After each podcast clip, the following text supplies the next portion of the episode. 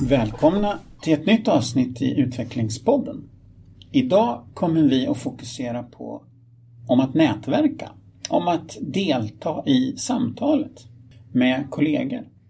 Både på lokal nivå och även på faktiskt internationell nivå. Magnus Persson, välkommen till Utvecklingspodden. Tack. Du är, eh, ja vad är din roll egentligen i detta Learning Teacher Network? Och vad är Learning Teacher Network?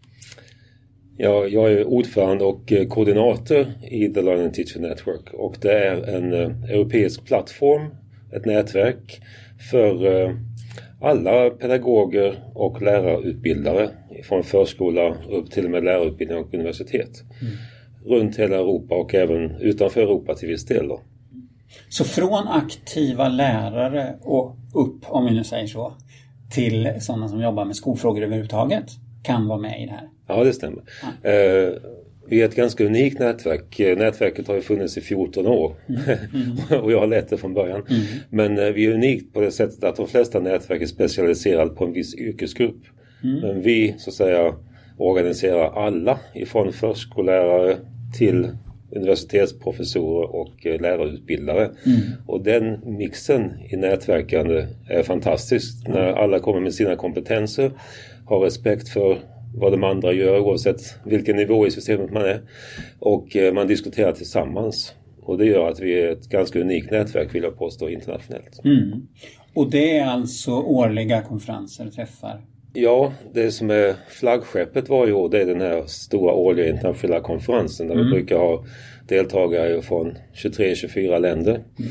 Eh, men sen har vi dessutom eh, nätverket är också nu en eh, Key Partner, en partner till Unesco när det gäller att implementera det globala handlingsprogrammet mm. för hållbar utveckling.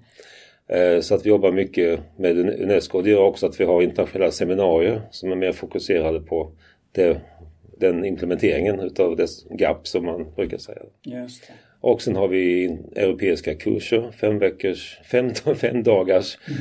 kurser mm. kring olika teman bland även om lärande för hållbar utveckling. Och nu här om veckan då så i slutet på september så var det alltså en sån här eh, internationell konferens i Tallinn. Temat för hela den, det var, ja vad var det? Temat var Empowering the teacher of tomorrow.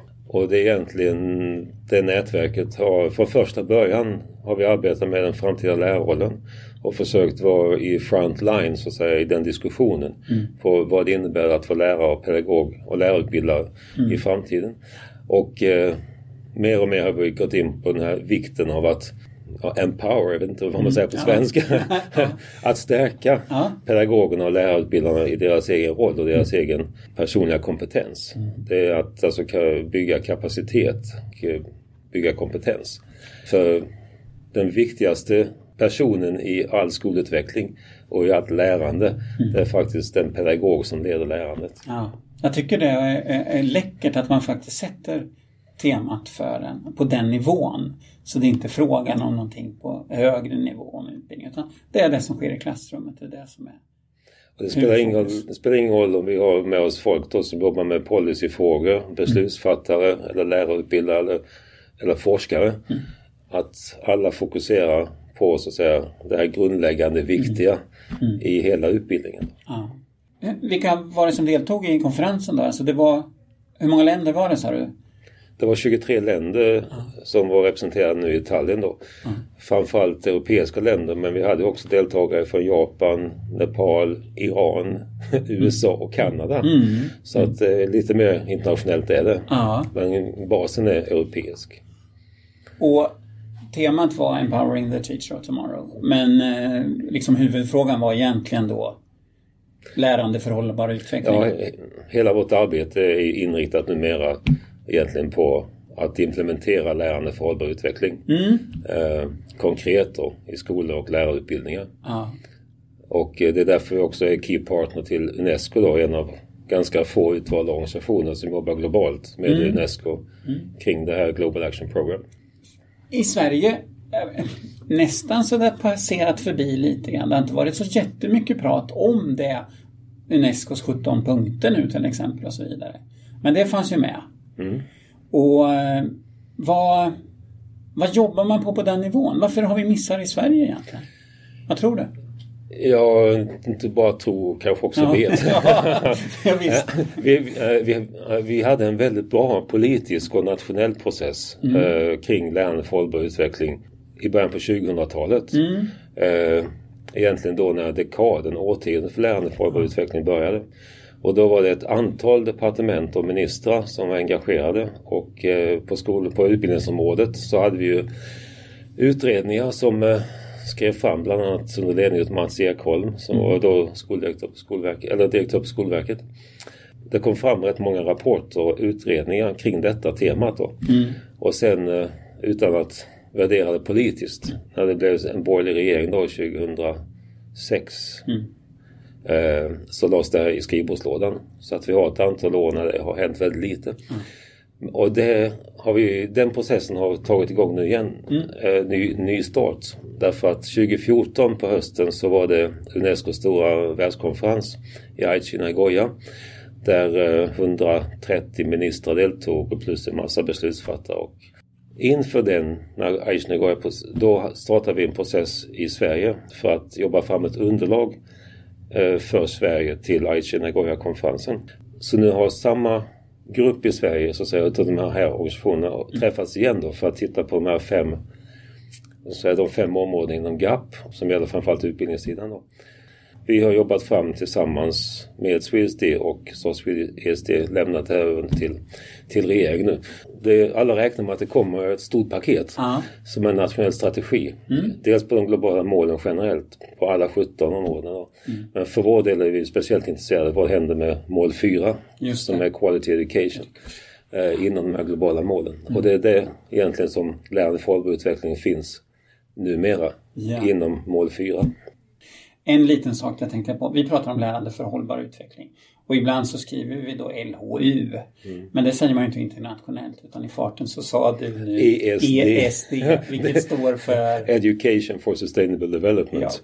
Ja, och det är det man använder även i Sverige nu. Men jag ser väldigt fram emot nu egentligen vad som kommer hända i Sverige. För det vi har alla efterlyst, det finns forskning så att det räcker på området.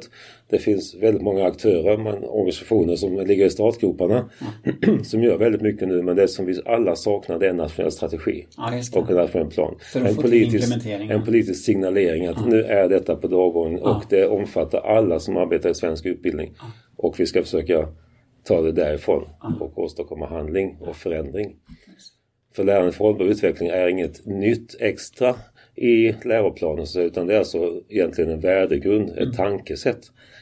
Oavsett var man jobbar, vilket ämne man jobbar inom, så handlar det om hur kan man använda det som ett instrument för att ja, skapa en hållbar framtid, för att ändra tänket.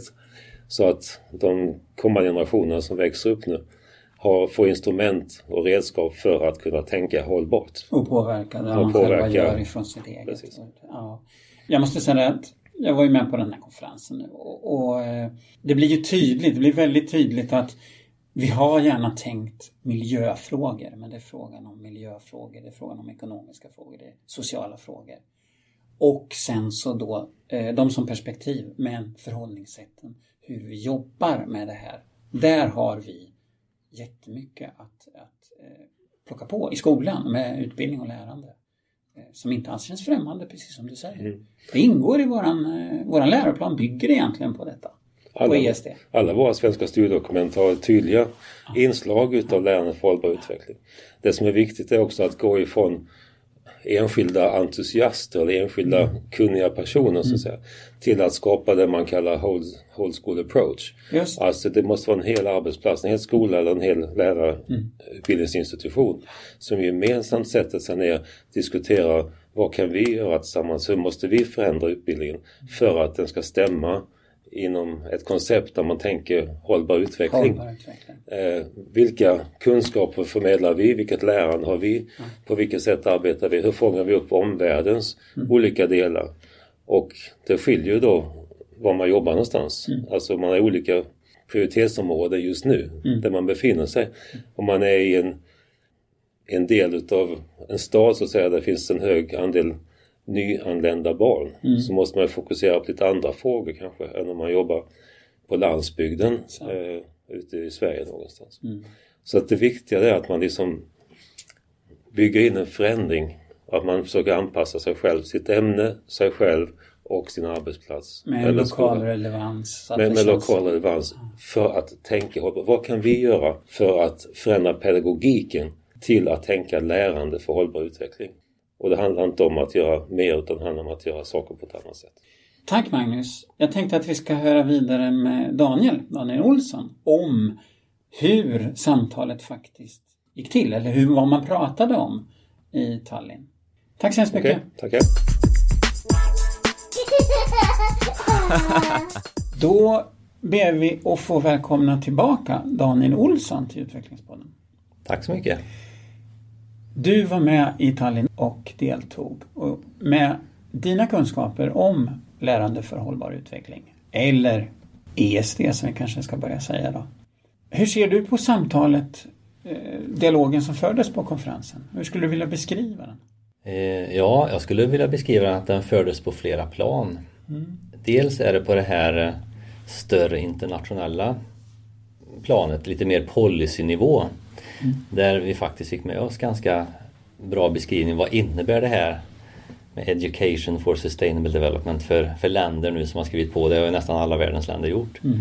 Plus att man får med sig eh, det som egentligen är det nya steget nu att vad, ja, nu ska vi omsätta det till någon praktisk verkstad ute i skolor. Mm.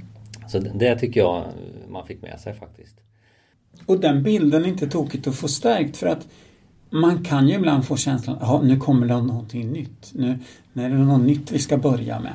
Ja, och jag vet ju att man pratar om det här med Education for Sustainable Development och eh, Quality Education. Att det, att man, det kan kännas som att policynivån kommer ovanifrån som ett tryck mm. så att säga. Och, eh, quality Education, eh, jag tänker när, när du säger sådär så tänker jag att eh, eh, det är ju lite ovanifrån.